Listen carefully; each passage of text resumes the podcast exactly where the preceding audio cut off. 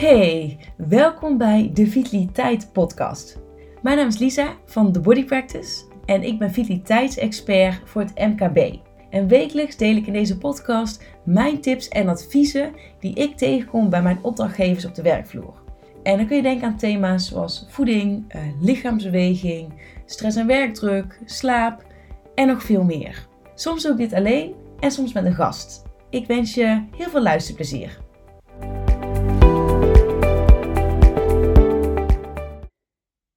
Ja, en dan um, gebeurt ineens datgene wat ik nooit had verwacht.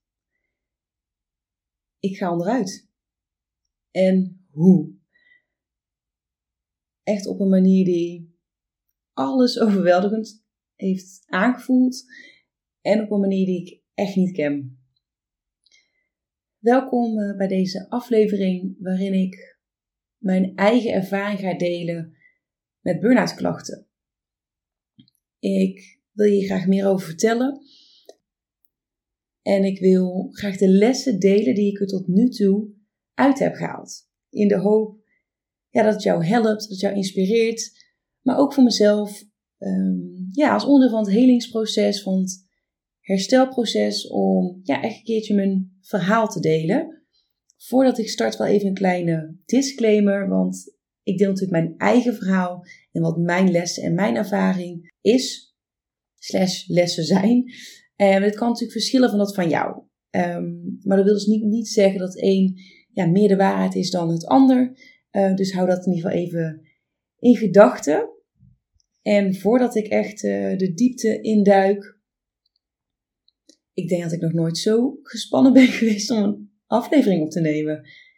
Het is sowieso natuurlijk lang geleden, want de laatste aflevering ging online in augustus uit mijn hoofd. En goed, begin september is dit gestart en ik heb daarna eigenlijk geen aflevering meer opgenomen. Dus um, ik ben een beetje roestig, voel ik. Ik vind het een beetje spannend, maar bear with me. En dan um, ja, ga ik je gewoon meenemen in het verhaal. Waar ik in eerste instantie mee wil starten zijn uh, met een aantal vragen die ik van mijn omgeving eh, heb gekregen, maar ook in het DM op LinkedIn of op Insta. En ik heb daar laatst ook specifiek naar gevraagd van, hè, heb je eventueel vragen voor me? En ik heb gewoon wat vragen daaruit gepikt als het ware, maar ook uh, ja, gekeken van, oké, wat voor vragen heb ik nou de afgelopen tijd gehad? Daar ga ik dus in eerste instantie, ga ik daarover hebben. Um, en ik wil eigenlijk afsluiten met de lessen die ja, ik er tot nu toe uit heb gehaald. In de hoop dus ja, dat dit jou ook kan, eh, kan inspireren. En ja, hopelijk steek je er ook wat van op.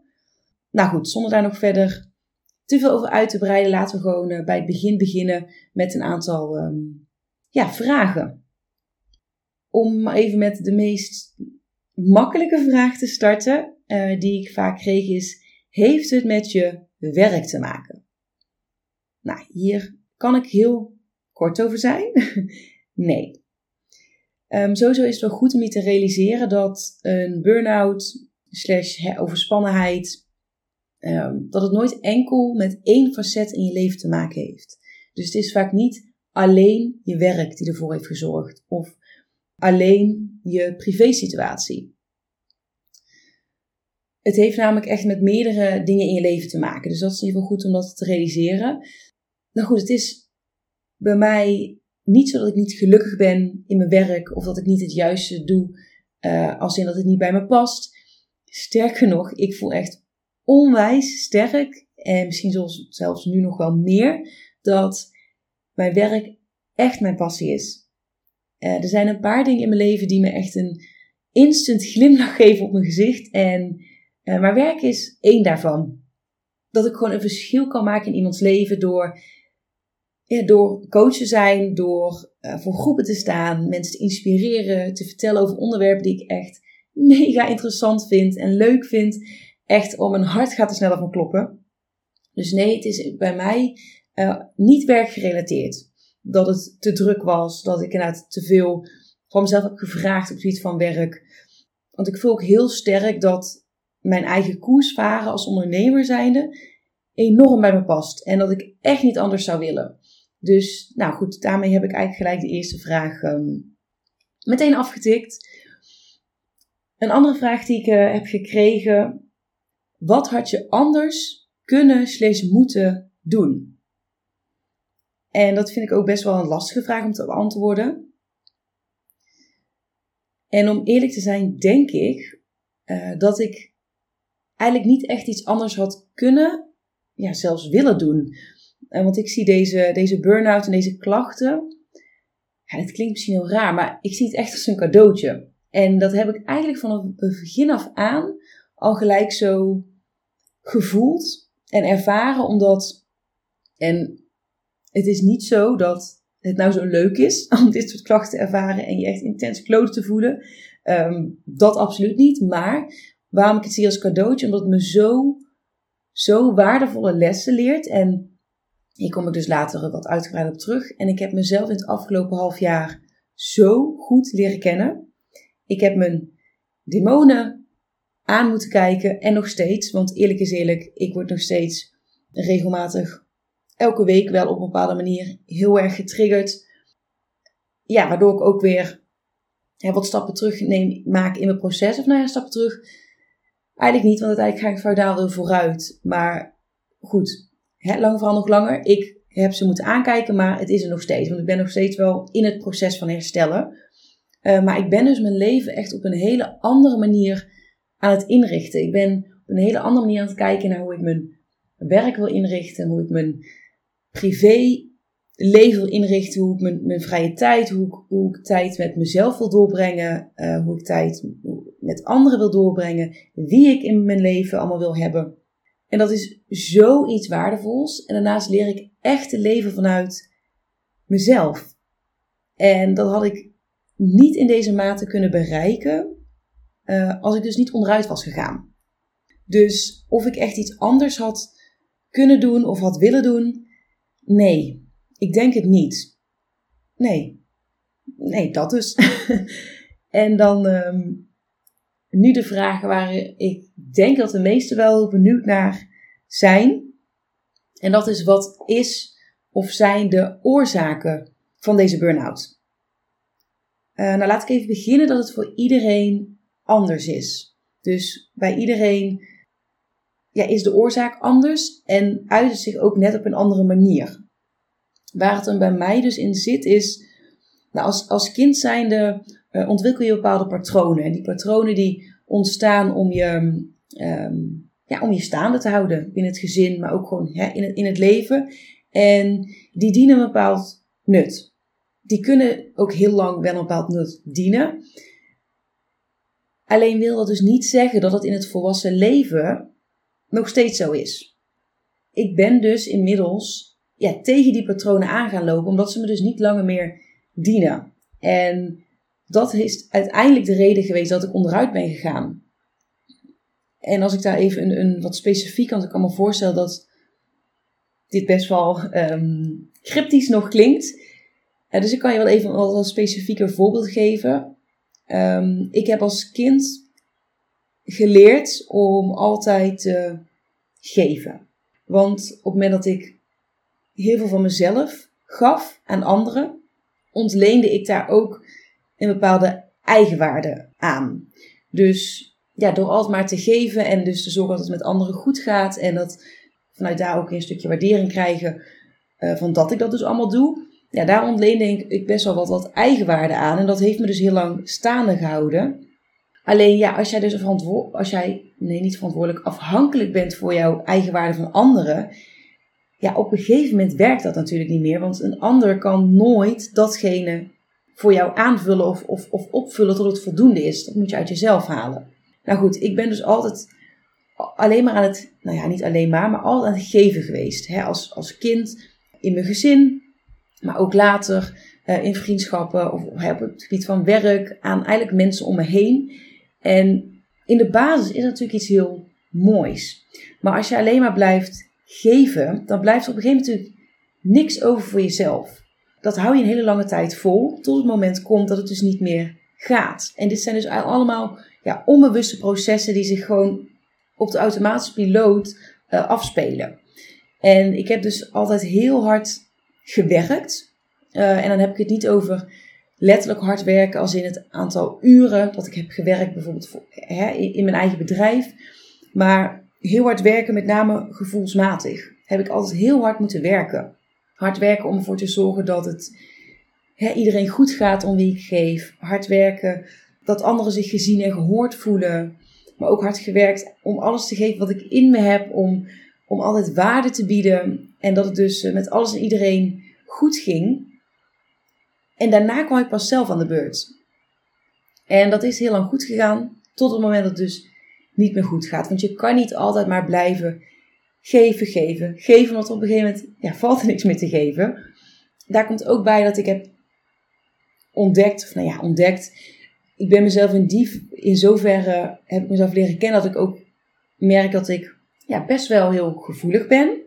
Mijn coach heeft me dit op een hele mooie manier uitgelegd, waarop ik gelijk begreep van, oh ja, ik merkte namelijk dat ik ehm, ja, best wel veel kon, kon voelen en ervaren, bepaalde emoties, maar dat ik dus ja, ook niet zo goed wist wat ik met, die, met, die, ja, met al het overweldigende gevoel aan moest. En ik gaf wel eens een voorbeeld, vertel ik tegen mijn coach, van ja, het, voelt alsof ik wel eens dan een, als het ware naakt een ruimte inloop. En dat alles maar gewoon binnen kan komen zonder enige, ja, dat ik niet echt een bepaalde beschermlaag heb, maar het komt allemaal binnen. En zij gaf toen dus het voorbeeld van ja, weet je hoe je dit zou kunnen zien?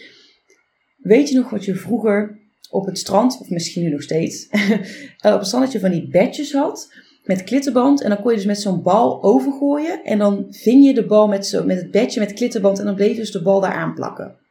Nou, hoe dat voor mij dus is geweest, als ik dan, ik liep dan dus nou, een ruimte in en iedereen gooide dan zijn klittenband, klittenbandballen tegen mij aan. Die bleven allemaal aan mij plakken. En je kunt je voorstellen dat, ja, kwam ontzettend binnen. En op het moment dat ik dan weer wegging, uh, dan zat dus, ja, al die ballen van andere mensen zaten aan mij vastgeplakt. Waardoor ik gewoon op een gegeven moment niet meer kon onderscheiden wat is van mij en wat is van de ander. Dus wat is van mezelf en wat is niet van mijzelf. Dus wat kan ik ook weer teruggeven. Nou, en dit zijn, ja, dit is slechts een voorbeeld van, van iets waar ik dus ja, tegenaan loop en wat er dus voor heeft gezorgd dat ik onderuit ben gaan, dat het gewoon een uitputtingsslag is geweest voor mijn lijf. En we zijn natuurlijk als mensen onwijs sterk. We kunnen mega veel aan, maar echt, we zijn zoveel sterker dan we denken. Maar op een gegeven moment is de max wel een keer bereikt. En, nou, en dat is dus bij mij een half jaar geleden gebeurd.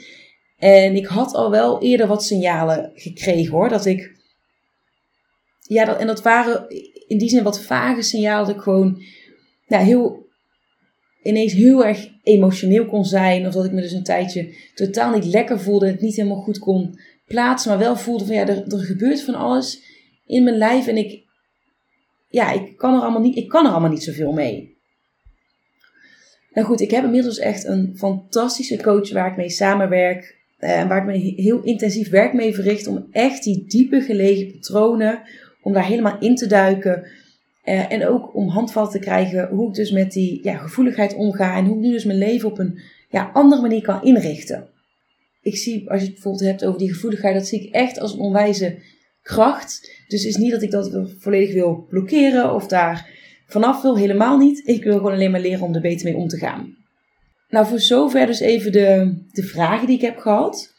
Mocht jij nou na deze aflevering trouwens denken van, goh, ik heb nog wel wat meer vragen voor je, voel je zeker vrij om die naar me te sturen. Dat kan via LinkedIn, via Instagram. Uh, je vindt me via The Body Practice. Dus voel je zeker vrij om die, uh, om die nog aan me te stellen. Dan wil ik het nu gaan hebben eigenlijk over de lessen die ik eruit heb gehaald tot nu toe. Want die, oh, die zijn echt heel waardevol. En die wil ik heel graag met je delen. De allereerste les is: niemand anders is verantwoordelijk voor jouw geluk.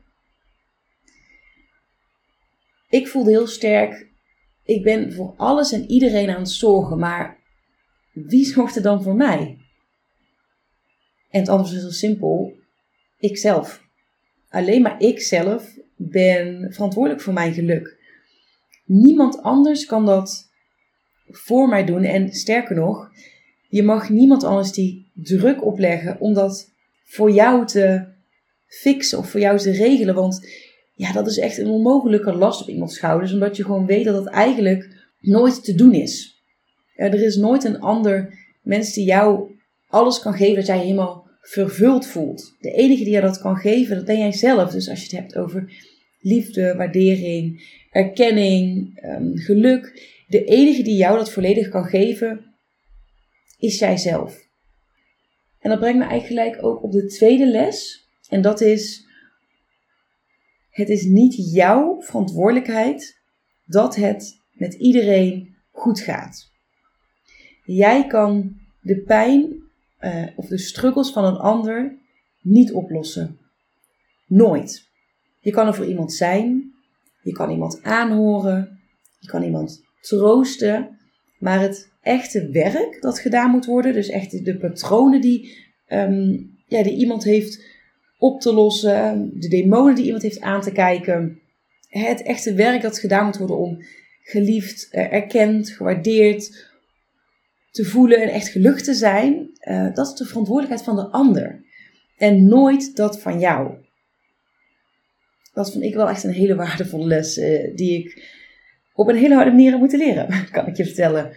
Um, de derde les is: het leven hoeft niet altijd rainbows en sunshine te zijn. Ja, heel eerlijk, het hoeft gewoon niet altijd goed te gaan. Je mag je ook echt gewoon heel klote voelen. Ook als daar geen reden voor is. En dat is met name hetgeen waar ik best wel mee heb geworsteld. Het lijkt natuurlijk altijd maar met iedereen goed te gaan. En als ik me dan verdrietig voelde of ik had een onbestendig gevoel, ehm, dan kon ik me daar echt enorm aan vastklampen. Van ja, maar wat is de reden van? Waarom voel ik me zo? En natuurlijk is het kan er ook echt wel een oorzaak zijn. En kan het gewoon zijn dat, dat er wel iets is gebeurd, of je, hebt, je bevindt je in een bepaalde situatie, of noem maar op wat de oorzaak kan zijn van dat jij je um, kloten voelt. Maar hou er niet aan vast. Grijp het gevoel niet vast. Hè, keer het niet honderd keer om om het kapot te analyseren. Want soms is iets gewoon wat het is. Soms is een gevoel er gewoon, is een onbestendig gevoel er gewoon. Net zoals bijvoorbeeld de ene dag schijnt de zon en die dag ernaast de hele dag bewolkt. Of regent het. Of sneeuwt het. Of hagelt het. Weet je, geen enkele dag is hetzelfde. Um, dus waarom zouden wij dan wel van onszelf verlangen en verwachten dat we ons altijd steady hetzelfde voelen? Dat is natuurlijk helemaal niet realistisch. Dat ja, dat gaat helemaal niet. Dus um, ja, leg jezelf die druk ook niet op dat het altijd maar goed moet gaan. Want er is nergens voor nodig. En heb gewoon even lekker een baaldag hou je er niet te lang bij. je staat er niet te lang bij stil of hou je er niet aan vast. Laat het er wel zijn, want je hoeft het ook niet weg te drukken. Want dan is het net als zo'n. Ja, ga maar eens bijvoorbeeld een bal in het zwembad onder water duwen en probeer die maar eens vast te houden. Op een gegeven moment schiet die bal toch het water uit, want dat is nou eenmaal hoe het werkt. Dus ga ook niet gevoel onderdrukken, um, maar laat het er gewoon zijn. En als mensen bijvoorbeeld vragen, uh, dat vind ik ook wel zo typisch je vraagt ook heel vaak aan iemand van, goh, hoe gaat het met je? En iedereen verwacht altijd dat je, dat, dat je zegt, ja, nee, gaat goed, uh, ja, alles een gangetje. Um, maar voel je ook zeker gewoon eens vrij bij mensen bij wie je vertrouwd voelt om te zeggen, nou weet je, het gaat eigenlijk echt even helemaal niet zo lekker. Weet je, dat mag ook, hè? Dat kan ook een antwoord zijn. En dat brengt me eigenlijk ook gelijk bij de volgende les die ik heb geleerd, is durf kwetsbaar te zijn. Echt in kwetsbaarheid schuilt zoveel kracht. Maar ook enorm veel verbinding. Uh, verbinding met de ander, verbinding met jezelf.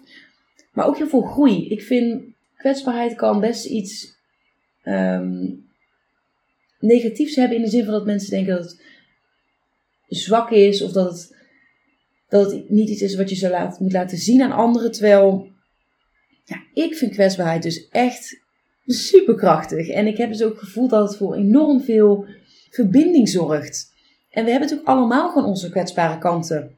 En heel eerlijk, ik ben nog nooit zo kwetsbaar geweest dan het afgelopen half jaar. In, in hoe open ik ben over waar ik doorheen ga. Niet alleen met uh, mensen in mijn omgeving die dichtbij me staan. Maar ook zeker bijvoorbeeld op, op social media. uh, op LinkedIn, uh, op Instagram. En ik heb dus gemerkt, doordat ik me zo kwetsbaar opstel, dat ik daarmee ook de weg vrij maak voor anderen om dat te doen. Um, en ik hoor het van vriendinnen, van mijn ouders. En ik zie het ook in, um, ja, in berichtjes terug op LinkedIn en Instagram, dat mensen ja, dan ook hun verhaal gaan delen. En daar ontstaat zo'n mooi stuk verbinding. En dat is natuurlijk een van de ja, basisbehoeften die wij hebben als mens. Is met elkaar verbinden. En ja, kwetsbaarheid is gewoon een hele mooie manier om die verbinding aan te gaan. En ja, je kwetsbaar opstellen is ook zo helend, heb ik ervaren. Dus durf kwetsbaar te zijn, ook al voel je weerstand. Weerstand is juist alleen maar een teken van goede ontwikkeling en juist alleen maar een uitnodiging om het ook echt te gaan doen. En dat brengt me ook weer bij de volgende les. Grappig hoe elke keer de vorige les me. Ja, dat daar zit ook iets verscholen van de les die ik daarna heb geleerd. En dat is uh, dat het leven draait om verbinding. Het gaat niet om een dikke bankrekening. Het gaat niet om je status. Het gaat niet om hoeveel volgers je hebt op social media of hoeveel vrienden je hebt. Het leven draait om verbinding. Verbinding met jezelf, met de ander. En durf echt die verbinding aan te gaan. Durf ook, ook met een open blik naar jezelf te kijken. En ook echt alle kanten van jezelf te omarmen. Want ik heb gewoon gemerkt dat ik dat stukje, die kwetsbare kant, of nee, die gevoelige kant van mezelf, heb ik een tijdje heel ingewikkeld gevoeld, omdat ik me daardoor heel erg te veel voelde. En dan ben je heel erg geneigd om het weg te, te duwen en weg te stoppen. Alleen daarmee ja, wijs je jezelf zo gigantisch af. Een kant in jezelf die gewoon ook helemaal bij jou hoort. En die afwijzing is, oh, dat is zoiets ja, pijnlijks en dat, daar kun je eigenlijk niet mee leven. Dus ja, ga ook echt die verbinding met jezelf aan. Dat is wat, waar, wat ik heel erg aan het leren ben nu en waar ik echt voel van, oh, daar heb ik zoveel stappen in gemaakt. Durf te verbinden met jezelf en met de ander. En de ene laatste les die ik uh, vandaag met je wil delen is: um, leef voor, maar ook zeker vanuit jezelf. Niemand heeft er iets aan als jij voor de ander leeft. Zeker, zeker jij zelf niet. Um, en in een van mijn lievelingsfilms, The Holiday, wordt dit ook door een van de hoofdpersonen echt zo mooi omschreven. Hij zegt: Heb niet de bijrol in je eigen leven, maar leef de hoofdrol. En toen dacht ik: Wauw. Ja, in jouw leven gaat het om jou. En echt om niemand anders. En dat is niet egoïstisch. Want enkel en alleen als jij er voor jezelf bent, dan pas kun je er uiteindelijk ook voor een ander zijn. Dus leef echt voor en vanuit jezelf. Want jij bent uiteindelijk echt de belangrijkste persoon in jouw eigen leven. En mijn laatste les is um, adviezen hoef je niet op te volgen. We willen natuurlijk allemaal, allemaal maar al te graag de ander advies geven. Dus ja, dat zit gewoon in onze natuur. Als iemand iets vertelt, dan ja, wil je gelijk een bepaald advies delen. En vaak is het ook goed bedoeld. Hè? Ik bedoel, begrijp niet verkeerd. Die adviezen komen vaak ook vanuit een ja, liefdevolle plek om iemand verder te helpen. Maar blijf lekker bij jezelf. Doe het leven gewoon op de manier die bij jou past, voor jou goed voelt. Maak keuzes waar jij achter staat. Uh, want dat is echt het allerbelangrijkste. Ook al kost iets dan misschien net iets meer tijd of doe je het op een andere manier dan mensen van je gewend zijn. Weet dat een advies ook echt alleen een advies is. En wat je ermee doet, is aan jou. Ervoor bedanken is ook helemaal prima. Is ook een antwoord. En daar mag de ander iets van vinden. Maar daar hoef je echt niks mee te doen. Echt niet. Ik ga het voor vandaag even bij deze lessen houden. Ehm, het zijn er ongetwijfeld echt wel meer die ik, eh, die ik heb geleerd het afgelopen half jaar. Maar ja, om je ook niet te overweldigen, ehm, ga ik het hier gewoon even bij laten. En ik gun echt iedereen deze lessen. Uiteraard gun ik niemand de burn-out. Want man oh man, wat, wat doet, oh, wat doet die zeer. En ik wist niet dat ik me zo, zo slecht kon voelen. Ehm, en ja, zo. Had ik niet verwacht dat ik me echt zou emotioneren om hier dan op deze manier over te praten. Want ik heb het natuurlijk vaak zat over. Um, maar zoals ik al zei, ik, ik, gun je deze lessen en haal eruit wat, uh, wat voor jou werkt, waar jij iets in ziet. En ik weet dat ik, de oude Lisa ga ik echt nooit meer worden. Um, en dat is echt oké. Ik, ik, ja, daar wil en hoef ik ook helemaal niet meer naar terug. Uh, ik ben mezelf echt helemaal opnieuw aan het leren kennen. Ik ontdoe mezelf van oude patronen die me niet langer dienen. En ik maak daarmee plaats voor nieuwe. En die nieuwe patronen die gewoon nog beter bij me passen. En ja, daar ben ik trots op. En daar ben ik onwijs blij mee. Um, ik ga het voor nu even hierbij laten. En ik heb, zoals ik al zei, nog nooit zo lang gedaan over een aflevering. Uitdenken, uitschrijven. Um, en ook uitstellen, om eerlijk te zijn. En ook dat is helemaal oké. Dus um, lieve luisteraar, dankjewel dat je de tijd hebt genomen om naar mijn verhaal te luisteren. Ik waardeer het echt enorm dat jij er bent. En ik hoop dat het waardevol voor mij is geweest. Zoals ik al zei in het begin van de aflevering. Het is voor mij in ieder geval ook echt wel een stukje van, onderdeel van het helingsproces. Weet in ieder geval, je mag er zijn. Je bent helemaal oké zoals je bent. Bewandel lekker je eigen pad. Trek je van niemand iets aan.